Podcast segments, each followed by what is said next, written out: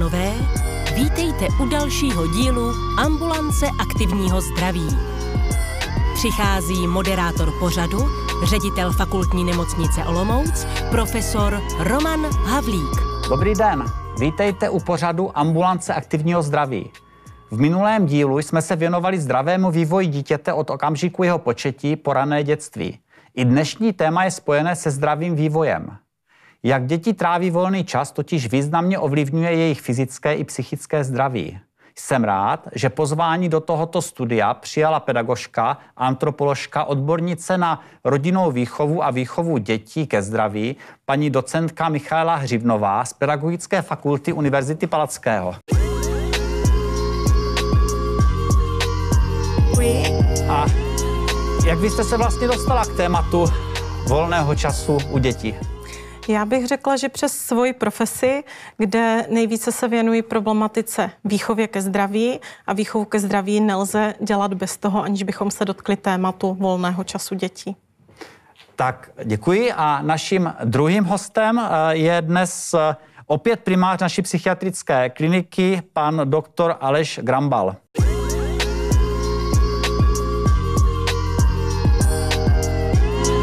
Vítám už co by stálého hosta našeho pořadu.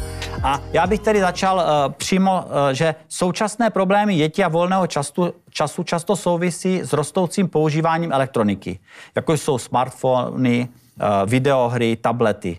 Toto omezuje jejich fyzickou aktivitu a sociální interakce. Lze nějak kvantifikovat tento trend a aktuální dopad na trávení volného času našich dětí? Vždycky jde všechno kvantifikovat samozřejmě. Eh, je nutné se na to podívat v určitém horizontu. Pokud budeme srovnávat jako s delším časovým údobím, tak ta změna je naprosto jaksi dramatická a zásadní. Pokud se budeme srovnávat poslední třeba dekádu, tak je taková jako postupná.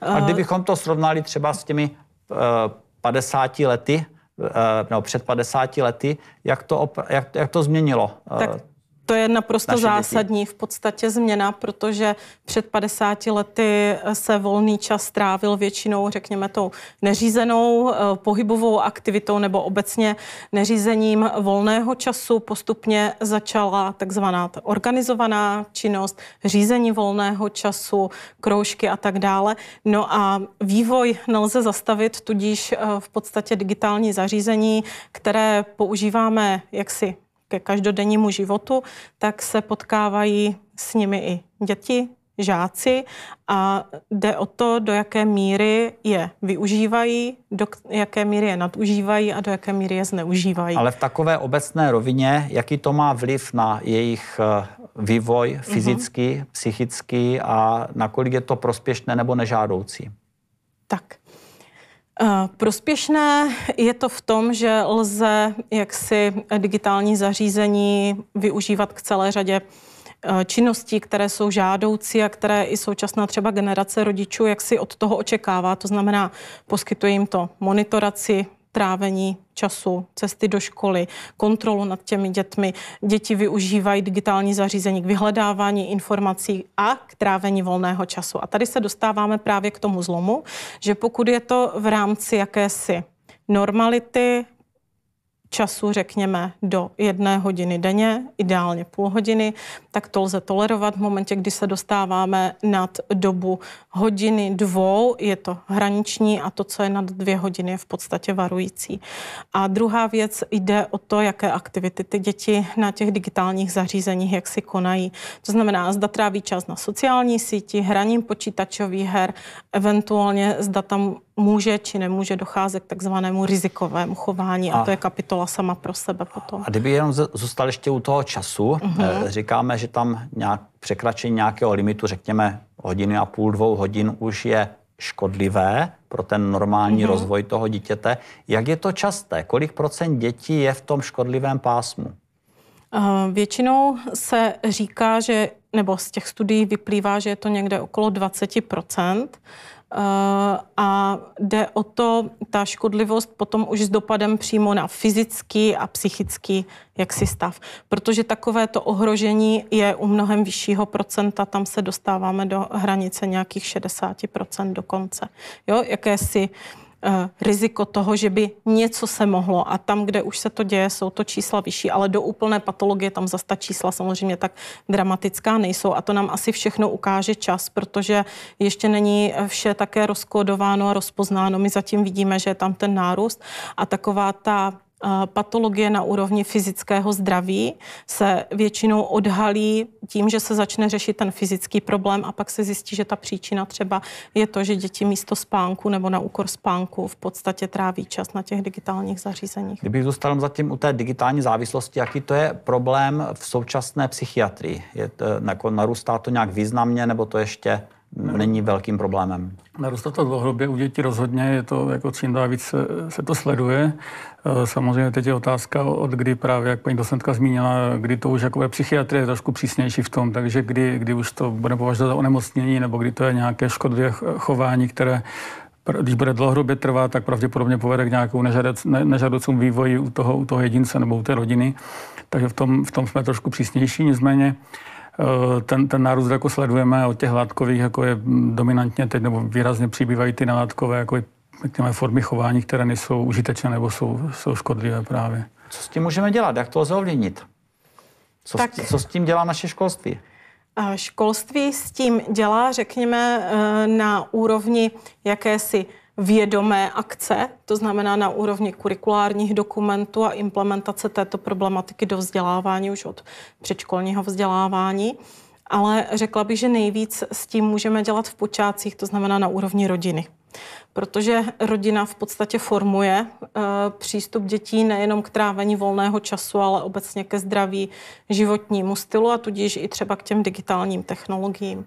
Takže jedna věc je soustředit pozornost na rodinu, rodiče a druhá věc je soustředit pozornost na školství. Já bych ještě zůstal u té negativní stránky trávení času v online nebo v nějakém digitálním prostředí. Logicky to je na úkor toho, jak jsme třeba trávili, nebo jak jsem já trávil čas v dětství, kdy ještě nebyly tyto technologie. To znamená, měl jsem normální interakce se spolužáky, daleko víc s, s rodinou nebo s okolím a současně i víc času třeba na sport, na běžný pohyb. Projevuje se nějak nedostatek jednak těch toho, toho přímého kontaktu eh, v eh, rozvoji dítěte je tam vidět, že jim to chybí, že jsou tím nějak handicapovány a potom i nedostatek té fyzické aktivity u dnešních dětí.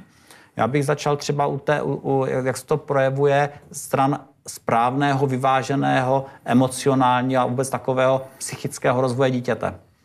Tak jak jsi teď zmínil, tak uh, jako ten přirozený kontakt s je strašně důležitý. To znamená, pokud on není, uh, dítě začne trávit víc času na nějakých jako, digitálních zařízeních, tak, tak vlastně tady tu dovednost, kterou přirozeně získává, tak ji nezíská.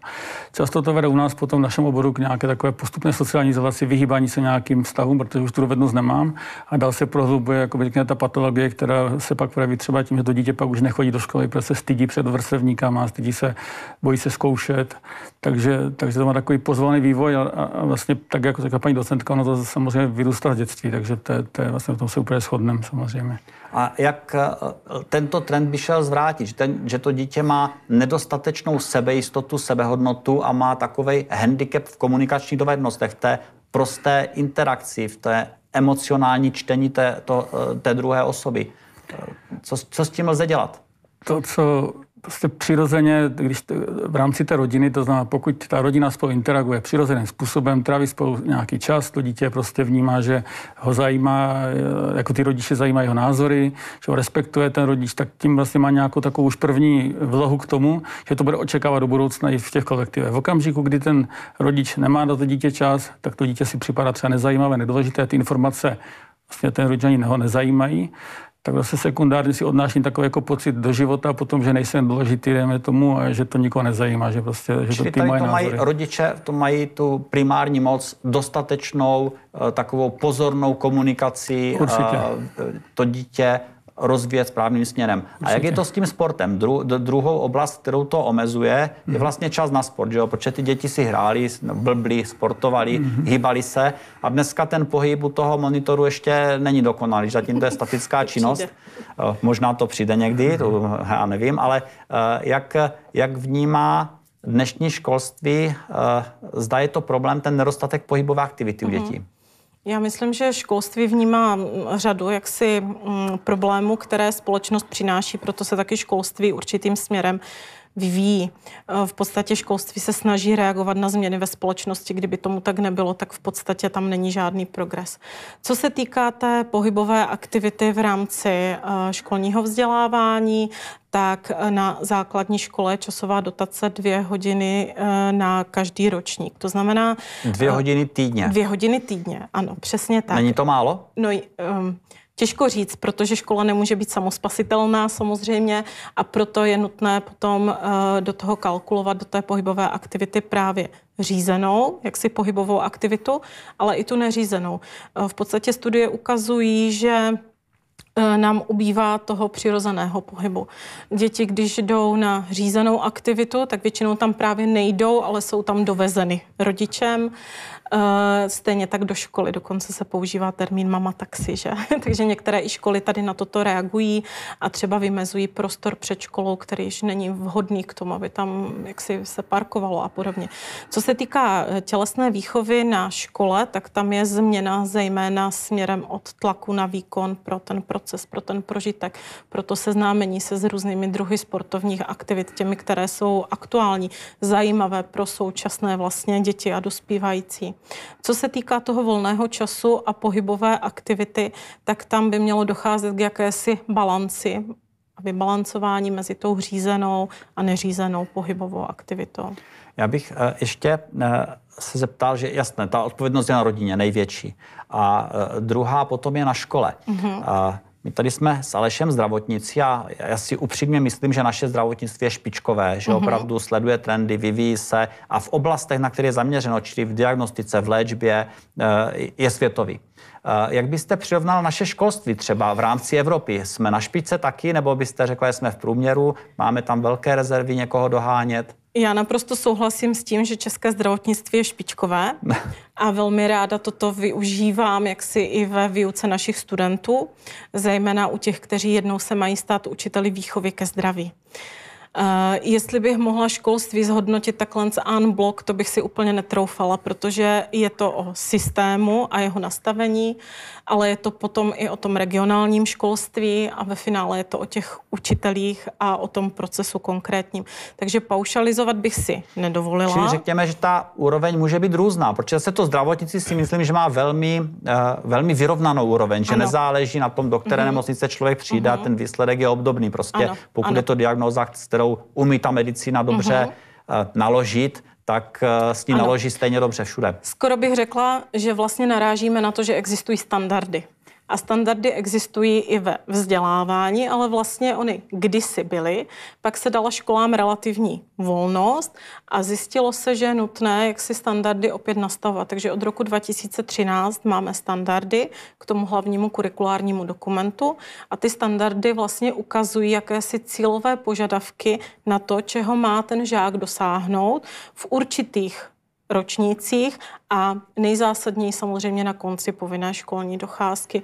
Je to formulováno v podobě takzvaných očekávaných výstupů. A pokud bych mohla hovořit za výchovu ke zdraví, které se věnuji, tak bych řekla, že v rámci toho státního nastavení jsou nastaveny dobře a potom jde o to, jak jsou naplňovány v tom edukačním procesu. A to mě zajímá, vy říkáte výchova ke zdraví, ten předmět bychom neměli, možná mm-hmm. to je v rámci různých předmětů, nebo je to už samostatný předmět? Eh, v ideálním případě je to samostatný předmět Aha. a uh, asi 90% škol takto jaksi zareagovalo na tu změnu uh, koncepční, takže od roku 2007 máme výchovu ke zdraví a asi 10% škol integruje ten tematický obsah do Dobře. jiných předmětů. A uh nakolik ta znalost, jak co pro zdraví dělat, ovlivňuje to zdraví toho člověka, jak to koreluje tady ta výchova s tím výsledkem, jakou mm-hmm. to mhm. má souvislost mm-hmm. a jak na tom jsou naše děti v té znalosti, co by měli vědět o zdraví v porovnání s tím vyspělým světem. tak, já si to dovolím rozfázovat Určitě. trošičku, tu otázku. Takže eh, posun je zcela markantní eh, stran vzdělávání, protože se mění přístupy. Ve výchově ke zdraví je trend jaksi akcentu na zážitkovou pedagogiku, na to, aby žáci, děti, dospívající dokázali to, co se naučí, zúročit ve svém jaksi běžném osobním životě, buď současném či budoucím. To znamená, nám jde o nejenom jaksi poznávání faktu, to znamená tvorby těch vědomostí, ale aby formovali návyky, aby to dokázali uplatnit ve svém chování a aby zaujímali k tomu adekvátní postoj. A to se dá jaksi zajistit celou řadu vhodných výukových metod. No a druhá strana mince je potom hodnocení těch vědomostí a jejich vazba eh, k tomu, jak je uplatňován ten životní styl. A tady se ukazuje, že je velmi těsná vazba mezi vzděláním, zdravotní gramotností a tím, jak sami o sebe pečujeme, jaký máme aktivní přístup ke zdraví, odpovědnost za zdraví.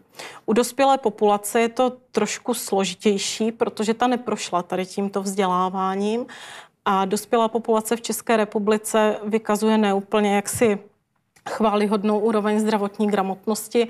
V roce 2015 jsme skončili na předposledním místě z testovaných zemí v rámci výzkumu Světové zdravotnické organizace. V roce 2021 se to lehce zlepšilo, nicméně pořád téměř polovina obyvatel eh, České republiky v té dospělosti vykazuje neadekvátní či problematickou úroveň zdravotní gramotnosti. Takže já vás tam poslouchám, skoro bych chtěl chodit znovu do školy, i když většina dětí taky není, tak, uvidíme. není tak nadšená, netěší se do školy, tam ještě určitě bude nějaký ano. prostor pro zlepšení. Mm-hmm, já bych Musím k tomu něco dodat. Jako, co se týká té korelace, tak uh, rozhodně nespochybnuju jako ty kvantitativní data, nicméně my se setkáme s populací a, a ty určitě taky, nebo, nebo lékaři prostě, která ty informace má, prostě to jako, řekněme, neprovede. To znamená, jsou vzdělaní, jsou gramotní, dá se říct i v rámci té své diagnozy a nějak to jako nejde. Takže to jsou, to jsou prostě potom, eh, jako řekněme, potíže, které jsou komplexnější, eh, větší, hraj, větší roli tam hrajou emoce a je to spíš na psychoterapeutické nějaké zacházení s těma, s těma lidma, kde to jako prostě nefunguje takhle jednoduše, že je to vím a proto to budu dělat. Takže to je jako z mého pohledu, teda to je specificky jako i pohled samozřejmě, tak jsou to třeba poruchy příjmu potravy, kdy ten člověk jako ví, chtěl by to změnit. Jsou to samozřejmě návykové látky, taky vím, že nemám užívat, že nemám prostě jít večer si hrát na automaty a přesto tam jdu potom, protože to má nějaký emoční, jako hluboký důvod, který není tak jednoduchý změnit jenom, jenom tou edukaci. Takže, a to je otázka potom mi napadá, protože ta stará generace, nebo starší generace respektive, je možná si taky to není tím systémovým jakoby nastavením naším, tou minulou dobou, dejme tomu, že jsme byli dost jako nuceni do něčeho, tak máme přirozený odpor, ale to je úplná spekulace. Že tady Nicméně to... tady jsou to, ano, ten vrchol ledovce jsou uh, závislosti, uh, bulimie a sebepoškozování a prostě mnoho mm-hmm. uh, už diagnóz, prostě nežádoucích jevů. A vrátíme se k tomu volnému času, mm-hmm. jak udělat, jak trávit správně ten volný čas, abychom tomuto předcházeli. Určitě to má souvislost. Tak eh, co, co byste navrhovali? Já bych ještě možná znovu dal otázku tobě, protože ty digitální technologie přeci jenom trošku snižují rozvoj té eh, emocionální inteligence, komunikace, načítání eh, toho mm-hmm. tváří v tvář mm-hmm. komunikujícího mm-hmm. partnera. Co bys doporučil, jak doplňovat tady tento handicap a jakými aktivitami ty děti posilovat? Obecně bych dal přednost jako nějakému výběru strany těch dětí, to znamená podpořil bych jejich jako aktivity, které, které jako přirozeně přitahují. To, co se setkávám třeba v rámci sportu, že někdo má, dejme tomu, nemotorné dítě, tak ho dá na nějaký sport, aby tam bylo šikovné, to si myslím, že je špatně, jako emočně, protože to dítě tam zažívá neúspěch. A takže obecně nějaké přirozené interakce mezi vrstevníkama a spíš bych já doporučoval to, toho dítě najít nějakou vlhu nebo to, co ono chce, kde se scout nebo cokoliv, prostě nemusí to být nutně sport, kde se bude potkat s vrstevníkama, bude se tam cítit dobře. My pak říkáme, jako zase z hlediska třeba toho sportu, že tam vzniká emoční vazba k tomu sportu nebo t- k čemukoliv v okamžiku, kdy tam chodím rád, užiju si to, tak vlastně tam mám něco navíc. Pokud mě tam někdo nutí, prostě potřebuji ještě prodat výkon, tak se tak, taky ví, že u těch jako vrcholových mladých sportovců, že 90% jich jako skončí, že prostě vyhoří třeba do 18 let, což je strašné číslo. Vlastně nefunguje to vůbec tak, jak chceme. Ten sport má mít jinou funkci, než, než eh, tady toto. No. Takže toto. Bohužel ten organizovaný sport je většinou výkonnostně zaměřen a je vrcholový a je potencován i rodiči a jejich požadavky a reaguje školství na to nějak, že by nabízelo takové všeobecné kroužky, sportovní aktivity a pokud ano, nakolik je to přijímáno uh, dětmi a jak je to baví, jak to chtějí navštěvovat? Uh-huh. Uh, Já naprosto souhlasím s tím, co tady řekl pan primář v podstatě, že vždycky je to jaksi širší rámec a vědomosti nestačí.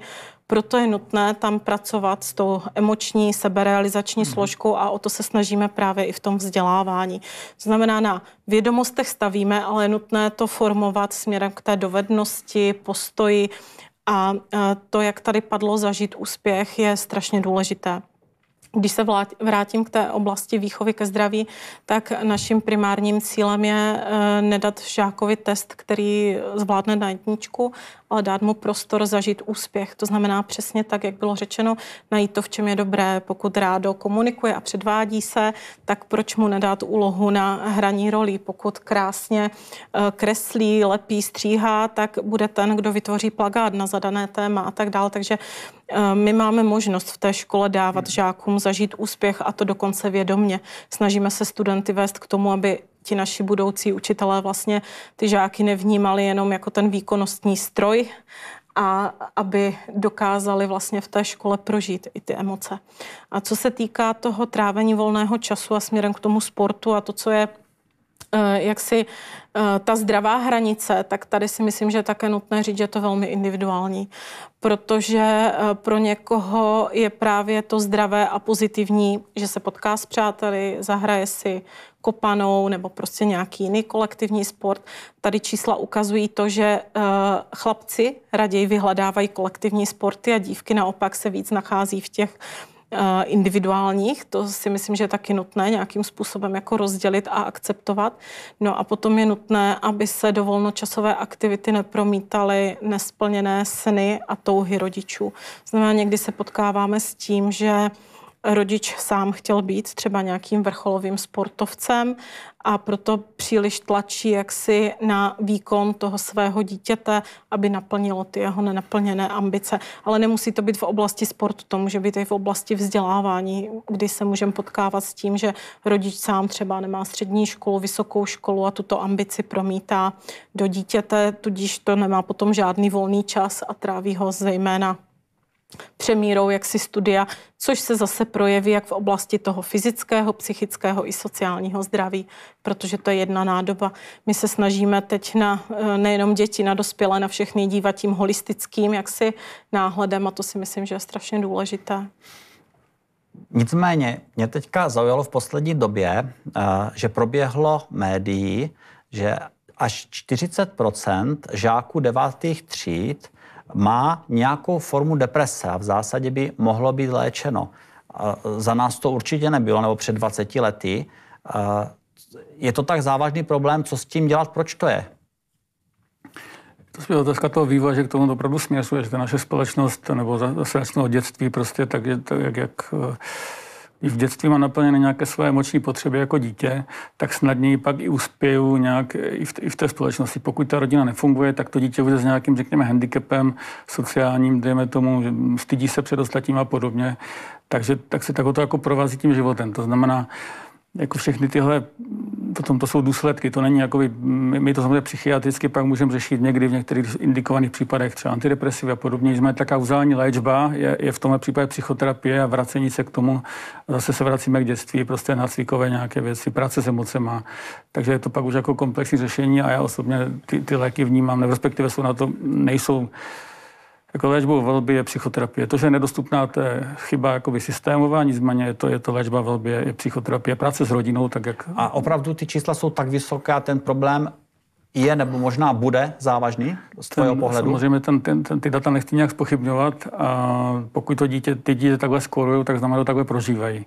Jo, takže nemá, my nemáme naopak žádný tyhle nemám, nemám na to právo spochybňovat jejich prožívání. To, to vlastně je jedna, jedna teda bočím trošku, jedna z věcí, co rodiče dělávají, že nemáš důvod se takhle cítit.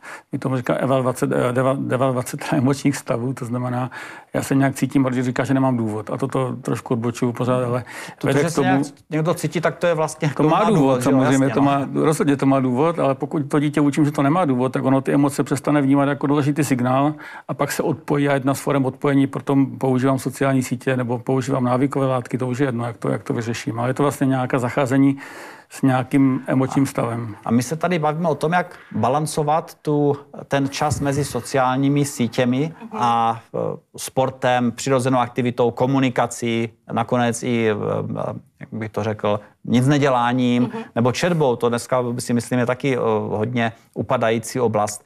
A tam mě zaujala druhá informace, která v nedávné době probleskla, a to je současně iniciovaný velký soudní spor. Snad eh, až 40 amerických právníků z různých amerických států podalo žalobu na Facebook, že vědomně eh, ve svých programech a algoritmech má eh, takové sekvence, nebo prostě, že vědomně zvyšuje a zavádí závislost na tom, aby ti, aby ti uživatelé na tom byli závislí. Takže z jedné strany eh, to je, to je záměrně vytvářené a proti tomu my se snažíme najít nějakou balanci, aby nebyli závislí. Jak eh, vnímáte toto, že eh, je problém, nebo co by s tím šlo dělat? No, já myslím, Možná že... ještě jinak. Doporučila byste, aby děti byly na všech sociálních sítích, nebo kdy, v kterém věku začínají a v kterém věku bylo dobré třeba začít nějaké hmm. sociální sítě? Zase ten problém nebo ta problematika, ať to nenazývám problémem, je velmi široká. Kdybych to vzala od konce té otázky, kdy začít, dnes se říká, že dnešní generace se rodí s mobilem v ruce. Čísla ukazují, že první kontakt eh, v podstatě dítěte s mobilním nebo digitálním zařízením je asi ve čtvrtém měsíci života. A teď bychom mohli velmi dlouho diskutovat o tom, kdo za to může. Tak ve většině jsou to rodiče, kteří dítěti dají digitální zařízení do ruky. Druhá věc je, eh, co souvisí s tím, jak eh, v podstatě marketéři nebo ti programátoři sociálních sítí vlastně pracují s naším vědomím a nevědomím a vlastně mm, zcela záměrně eh, vkládají do těchto prvků sociálních sítí věci, které v nás zbuzují pozornost a krom pozornosti, jak si vědomé cíly na tu nevědomou a i dospělí, nejenom děti, velmi často zjistí, že najednou u mobilu nebo, já nevím, počítače, tabletu strávili víc času, než původně chtěli. A to je typickým znakem potom už závislosti v momentě, kdy zvyšuju jaksi dávku. Ať je to látková, nelátková závislost, tak znak závislosti je, že najednou potom bažím.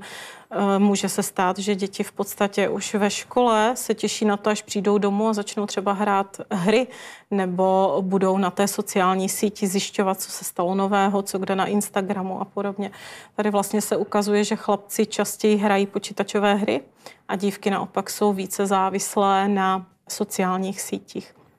Já si dovolím tady v této souvislosti poukázat na projekt e-bezpečí, který má na starosti pan profesor Kamil Kopecký na Pedagogické fakultě a ten se problematice eh, vlastně sítí digitálních zařízení a užívání, zneužívání v podstatě tady těchto technologií věnuje. Takže pokud rodiče hledají inspiraci pro to, jak eh, třeba nastavit pravidla užívání digitálních zařízení, eventuálně už dojde k tomu, že je nutné vyřešit nějaký problém, že se dítě setká třeba s nějakým škodlivým zavánějícím materiálem na úrovni třeba sextingu a podobně, nebo kyberšikany, tak nabízí i poradenskou jaksi činnost. Takže to si myslím, že je velice důležité, aby rodiče byli taky informováni o tom, že každá situace vždycky nabízí nějaké řešení a buď uh, přistupuji k tomu preventivně, což je vždycky jednodušší, anebo potom sekundárně řeším problém. Než se dostaneme ještě k otázkám diváků, tak ať eh, skončíme trošku pozitivněji. Jaké ty digitální technologie mají pozitivní využití pro volný čas eh, ve prospěch zdraví dětí a nakolik je to využívané dnešní mladou generaci? Mm-hmm. Tak to asi to bude zase na vás. Asi nebo... na mě, Trošku možná jiný názor, takže počkáme. Aha, tak, tak, jo. tak počkáme ještě. Dobře. Uh, V podstatě eh, každá věc a činnost v lidském životě nebývá černobíla, většinou přináší nějaká pozitiva a negativa. Mm-hmm. V podstatě technologie eh, primárně vznikly proto, aby ulehčovaly že, tu naši lidskou činnost a komunikaci a předávání informací. To znamená, primárně to nezvzniklo proto, aby to lidem nějakým způsobem jaksi ubližovalo, ať už po fyzické, psychické, sociální stránce. Nicméně někdy se neuhlídá, jak si ten primární záměr a může docházet potom k tomu zneužívání, nadužívání a tak dále. Eh, velmi pravděpodobně se nacházíme v době, kdy není cesty zpět a v podstatě cesta zákazů uh, užívat mobily, tablety asi není úplně ta optimální. Ale cestou by mohla být jakási regulace, jakýsi dohled, využívání rodičovských aplikací, eh, které eh, mohou ovlivnit, na které stránky se dítě dostane, na které již nikoliv, anebo ovlivňovat eh, čas strávený u těchto zařízení. A co se týká toho pozitivního, já myslím, že pozitivně lze využívat například aplikace, které monitorují pohybovou aktivitu, kroky, um, spálení v podstatě kilojoulů. A je to oblíbené u dětí? Aktivitě. Nevím, jestli k tomu existují úplně data, jak je to oblíbené, ale uh, vidíme, že řada dětí používá nejenom chytré mobily, ale používá i chytré hodinky. A um, v rámci, když se vrátím ke školství, tak byl řešen projekt podpora rozvoje digitální gramotnosti, primárně sice určený pro učitele, ale uh, jakýsi přesah i pro to využití u rodičů je tam možný, protože se můžou seznámit třeba s tím, jak využít ty technologie pro monitoraci třeba spánku dětí. Protože problematika spánku, respektive nedostatku spánku, kvality spánku a tak dál, bývá řešena u dětí taky v souvislosti zase s neužíváním digitálních technologií. Nebo existují aplikace, které mohou monitorovat konzumaci ovoce, zeleniny třeba a tak dále. Aplikace, které usnadňují jaksi život těm žákům i z hlediska, nevím, orientace. Mm, pokud jsme zmínili třeba pohyb, tak geocaching, že? Využívání tady těchto jaksi aplikací a tak dále. Takže myslím si, že když se chce, tak se dá najít i to pozitivní.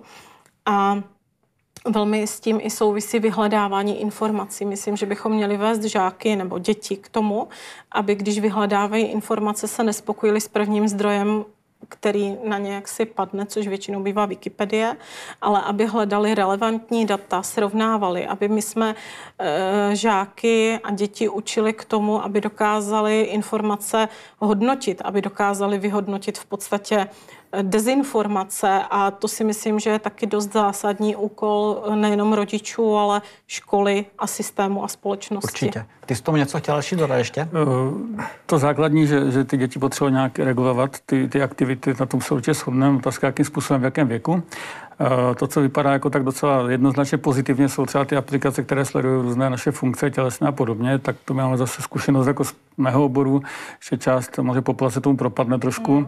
A problémy naopak je to škodlivé a je to potřeba odnaučit. To znamená... Patologickou závislost na uh, zdravých aplikacích. By to tak říct. A taky to vede k tomu, že ztrácíme kontakt se sebou, že prostě mm. já, já poznám, jestli mám hlad nebo, ne, nebo nemám, nebo prostě jestli jsem dneska, jak se cítím. A pokud koukám na hodinky, pořád s tím spánkem, že někteří rodiče úzkostní samozřejmě a toto jim zase tu úzkostnost jako podporuje tady tyhle aplikace. Takže my máme samozřejmě pínou populaci a taky to podporuje poruchy příjmu potravy z naší zkušenosti, která u těch mladých děvčat třeba typické a i mužů, to je teď už jako... Já myslím, tak... že v tom jsme ve shodě, protože no. nic se nemá přehánět a je nutné tak. Eh, najít no. to, jestli je to pro mě jenom informativní složka, nebo zase už propadám do úrovně té závislosti a no. ta posedlost tím zdravím taky není naprosto v pořádku, to víme, že? Například Přesně ortorexie a podobně, no, takže... Já bych přešel k otázkám diváků. Hmm. První otázku nám poslala paní Hana. Dobrý den, mám syny 8 a 11 let a nechtějí do žádného kroužku. Nemají ale problém s tím jít ven na hřiště s kamarádama. To chodí denně, ale řízenou aktivitu nechtějí. Je to problém? Například ten 11 let ještě nebyl ani na škole v přírodě. Děkuji. Tak pokud se můžu já chopit Určitě. odpovědi, tak si myslím, že problém to není, protože pokud uh, paní tazatelka popisuje, že uh, její děti mají tu neřízenou pohybovou mm-hmm. aktivitu spontánní, tak bych řekla, že naopak může být velmi ráda že tráví ten čas aktivně, byť neřízenou aktivitou. Já si myslím že taky, že je to zcela přirozené a neškodné. a další dotaz. Mm-hmm. Se nás ptá paní Míla. Dobrý den, sledujete rozdílný přístup generací, například mileniánové, XYZ, alfa, k odpovědnosti za své zdraví? Dá se říci, že i v této oblasti se jedná o jakési generační cykly a lze tedy třeba i predikovat, jaká bude generace dnešních 25-letých naštvaných žijících online? Čili jak, jak, jaký je rozdílný přístup k odpovědnosti těch posledních generací za své mm. zdraví? Jsou k tomu nějaké podklady, mm. nebo jak byste to zhodnotili? Ano, podklady jsou a v podstatě se hledá, jestli ten efekt je právě v té vyšší úrovni prevence ve vzdělávání současné generace. V podstatě data ukazují, že současná generace je zodpovědnější ve vztahu ke svému zdraví. Um, čísla i ukazují, že jsou dnešní mladí zodpovědnější i ve vztahu navazování třeba prvních intimních kontaktů, experimentování s návykovou látkou. Tam se nám ten věk posunul na ten první kontakt nejčastěji samozřejmě. Jo? Neznamená to, že by eh, to tak platilo jaksi ve 100%, ale do věku 14-15 let před několika lety ještě jsme říkali, že eh, je to ve věku 12-13 let. Takže vidíme, že eh, ta odpovědnost tam v podstatě je. Jestli jsou to cykly, to bych se nedovolila jak si tvrdit, nicméně se domnívám, že vždycky generace starší uh, trošičku kritičtěji nahlížela na tu mladší, ale ono to funguje i obráceně. I mladší generace kriticky nahlíží na nás a na generace před námi. Ano, to mám takový dodatek zase z mého pohledu toho, toho psychiatrického víc, že eh, hodnotit tu motivaci úplně není jednoduchý. To znamená, že my to můžeme hodnotit tak, že je to odpovědnost a já vnímám zase z svého bodu často, že to je nějaká řekněme, větší zaměřenost na sebe, na nějakou svoji dokonalost, takže což zvenku vypadá podobně. Takže já, jdeme tomu, chci dokonale vypadat, dokonale mít všechny parametry tělesné, jdeme tomu, což z hlediska zdraví asi je užitečný, nicméně z hlediska toho, jako duševního zdraví už to tak úplně výhodný není. Tady to taková orientace na, na, na tu jakoby přesnost, na, na to plánování volného času mi napadají na všechny ty věci, jak všechno jak chceme mít jako správně což už není úplně ono. Nicméně ty děti přece jenom kopírují eh, svoje vzory, rodiče a prostředí, v kterém žijí. Mm-hmm. A já si myslím, že ta společnost se vyvíjí tím směrem, že dává větší důraz a odpovědnost za sebe, za svoje zdraví, za svůj život, takže zřejmě to půjde tímto směrem i u dětí. Mm-hmm. Další dotaz. Dobrý den, mám pocit, že dnešní děti jsou překrouškované. Od školy dělají cizí jazyky a tak dále. Rodiče se pak počtem a barevností kroužků chlubí, neli předbíhají, nebo no, předbíha, předhání. Většinu času pak tráví vyzvedáváním a převážením dětí s pocitem, že se jim takto věnují. Kdy je podle vás správný čas z kroužky začít? Děkuji. A možná i kolikrát týdně by v tom kroužku mělo být to dítě, si, ale opravdu stručně, no mám hodně těch dotazů, ať to všechno zvládneme, takže jenom takový velmi krátký odpovědi poprosím. Já myslím, že eh, pokud jde dítě z kroužku do kroužku, tak to nevyhovuje ani tomu dítěti, ani těm rodičům. Znamená vždycky nutné najít nějaký balans. A tak, jak už jsme se bavili předtím, pokud je to dítě v tomto módu spokojené, tak ještě, ale pokud v podstatě jeví známky toho, že mu to nevyhovuje, jde tam z nechutí až odporem, tak si myslím, že je to dost významný signál pro všechny zúčastněné, aby nastala nějaká změna.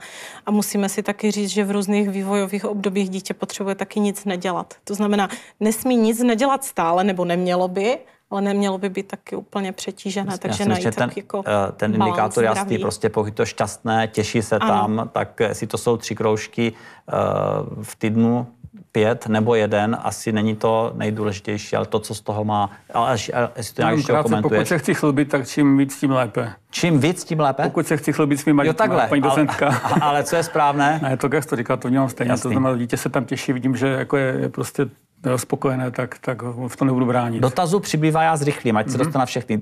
Mám dva syny 12 a 15 let, bydlíme na vesnici, kde žádné kroužky nefungují. Ještě před covidem eh, jeden syn chodil na atletiku, druhý plaval. Od covidu už nedělají nic. Jejich hlavní zábavou je mobil. Nemám sílu je od toho pořád odhánět. Má smysl u takto velkých dětí tlačit na to, aby dělali nějaký sport, opakují 12-15 let, dělali sport, za covidu uh, přestali a teď sportují s mobilem. Myslím, že to je naprosto typické období, kdy děti opouštějí v podstatě tu řízenou aktivitu a příčin je celá řada samozřejmě velmi často, pokud tam šli nedobrovolně a v podstatě pokud to bylo s tím přílišným tlakem. Ale já z toho chápu, že je to mhm. bavilo tady teda. A pokud je to bavilo, tak pak bych doporučila si hledat cesty k tomu, aby se k tomu vrátili ale uh, najít jakýsi balans. Určitě bych jim nezakazovala um, jaksi sdílení nebo trávení toho času, ale pokud by to nebyla řízená aktivita, tak aspoň aby ta volnočasová byla trochu jiná než s tím mobilem. Já půjdu dalšímu dotazu. Eh, opravdu jsou mobily, sociální sítě, eh, hraní her takové zlo. Mám pocit, že už není cesty zpět. Chtít po dnešních dětech, aby nebyli na mobilu. Je to jako chtít po nás, abychom nepili kafe, nejezdili auty a podobně. Pro ně je to zcela přirozená každodenní věc. Za nás, je mi 40, zase byla problém televize. Jak, bychom, jak byste na tento dotaz zareagovali? Zda to není už úplně přirozené a zda nemáme s tím nějak to omezovat třeba, i když to je jakoby přehnaná závislost? Já myslím, že vývoj nezastavíme, to znamená mm, zcela zakazovat jistě ne, ale spíš stanovovat pravidla a regulovat. To znamená hledat ten balans, tak jak u všeho. V podstatě uh, v našem životě to není černobílé, vždycky hledáme nějakou optimální cestu, ale měla by to být cesta, která nás nestresuje, která nás nějakým způsobem jaksi vede k tomu, aby to bylo optimální jak z toho rodičovského, jak si pohledu, tak zejména z toho pohledu toho dítěte. Další dotaz se opakuje, dáme prostor třeba uh, Alešovi. Uh, jak mám dokopat dítě do nějakého sportu či zájmové činnosti, je mu 15 let, předpokládám, že to je ne my, ale mu, Děkuji. za Když ho budu kopat, bude se bránit, tak ho potřebuji vtáhnout. Můžu, můžu si začít s ním něco cvičit, najít nějaký společný, třeba bude ideální jako nějaký jako sport nebo nějakou aktivitu fyzickou, můžu zajít na kajak nebo prostě nevím. Jo, to. Takže tak, jak jsme diskutovali předtím, něco, co bude zajímat a bavit, nemůžu 15 letému už jako asi říkat, co má dělat silově. To bude Obětovat svůj odporu. čas a trávit do s ním a tím ho Pokud, posunout. Přesně tak. Akorát by to nazval obětování času, ale prostě společné Že prostě budu trávit společný čas s dětma. Jestli jsem to správně pochopila, dospělí mají oproti současným dětem horší zdravotní gramotnost, takže děti by možná let kdy chtěli, ale rodiče jim moc naproti nejdou. Třeba logicky v tom, jaké potraviny nakupy a podobně. Nejsou pak ty děti frustrované? Děkuje Eliška. Eh, to je velmi zajímavá otázka. Já samozřejmě zase bych to nerada generalizovala, říkala, že rodiče takto a děti naopak. Ale máme někdy zkušenost, že opravdu děti, eh, děti díky vzdělávání přichází i z návrhy na změnu do rodiny a někde je to přijímáno s povděkem a někde se rodiče brání, protože je to zásah do jejich komfortní zóny. Znamená, když rodiče začnou jaksi poučovat rodiče, ať eh, třeba nekupují, já nevím, balenou slazenou vodu, ale že začnou společně pít vodu z kohoutku, tak eh, ten eh, ta negace nemusí být na straně právě toho dítěte, ale může se stát, že je na straně rodiče. Ale někdy si rodiče nechají, jak si poradit tím dítětem. To znamená, myslím si, že to případ od případu, ale dovolila bych si souhlasit s tím, že současná mladá generace je víc vzdělávána a erudovaná v problematice A ve své podstatě asi dobrá zpráva. Doufám, že ano. Mám dva syny, s oběma jsme domluveni, že budou dělat nějaký sport, aby se hýbali. Je nám jedno jaký starší uh, syn si oblíbil házenou, ten mladší dělá judo. Ale moc ho nebaví. S odporem tam nechodí, ale že by se tam těšil, to nějaký sport zatím zkusit, uh, jiný nechce zkusit. Uh, jdeme na to dobře? Otázka pak toho taky toho trenéra, jak to vede hodně. To, je jako, to znamená, je možný, že ten první syn má větší štěstí na trenéra, nechci to generalizovat, je to možný. A ten druhý může být někoho, kdo to vede třeba nějakým způsobem, který není tak emočně pro to dítě jako lákavý. Takže já bych klidně změnil sport, anebo prostě bych zjistil trošku, jak to tam vedou, jestli to nějak nejde jinak. No. Ale naradil bych trenérovi to. Ale měl by se těšit do toho sportu. Určitě by se měl těšit, rozhodně. A poslední dotaz. Je dobrým způsobem prevence nevhodného chování, užívání nějakých omamných látek, to, že rodiče jsou u prvních těchto zkušeností, například zkušeností s marihuanou. Děkuji, Dana. Já bych to v podstatě nedoporučila. Někdy se traduje, že je vhodnější, já nevím, první zkušenost konzumaci alkoholu pod dohledem těch rodičů. Tady narážíme jednak na legislativní v podstatě jaksi rámec, kdy v naší republice e, není dovoleno konzumace alkoholu a kouření do 18 let a na tuto hranici eh, řada návykových látek je na úrovni těch nelegálních. To znamená, jako radit, aby eh, ten první kontakt byl eh, s těmi rodiči, asi ne. Na druhou stranu studie ukazují, že ten, kdo jako první podá návykovou látku, tak je to někdo z blízkého okolí toho dítěte na úrovni rodičů, tetiček, babiček a podobně. Takže já bych to nedoporučovala. Aleši? Jako byť se ukazují styky, že se někdo poprvé opil s rodičem a bylo špatně a už to nikdy nechtěl, tak bych to nedoporučoval tady do toho. Takže ne. ne. Dobře. Já vám moc děkuji a na závěr tedy bych zhrnul, že není překvapením, eh, že o tom, jak si děti navyknou trávit volný čas, rozhodují zejména rodiče. Doba, kdy děti po škole běhali z vrstevníky venku, je dávno pryč. Dnešní děti tráví čas povětšinou v organizovaných kroužcích, často mývají řízenou aktivitou eh, vyplněné dny až do večerních hodin. Tím největším lákadlem je online svět a jeho nekonečné možnosti. Nemá smysl s tím bojovat, daleko efektivnější je vytvářet v dětech pozitivní návyky a podporovat využívání digitálních technologií ve prospěch zdraví. Jak? Svým vzorem, nabídkou různorodých společenských aktivit, ale i prostou plnou přítomností. Vážení diváci, v příštím, v tomto roce závěrečném díle pořadu Ambulance aktivního zdraví bude zhrnutí toho nejdůležitějšího, co od počátku vysílání zaznělo. Těším se v tomto roce naposledy na viděnou 6. prosince.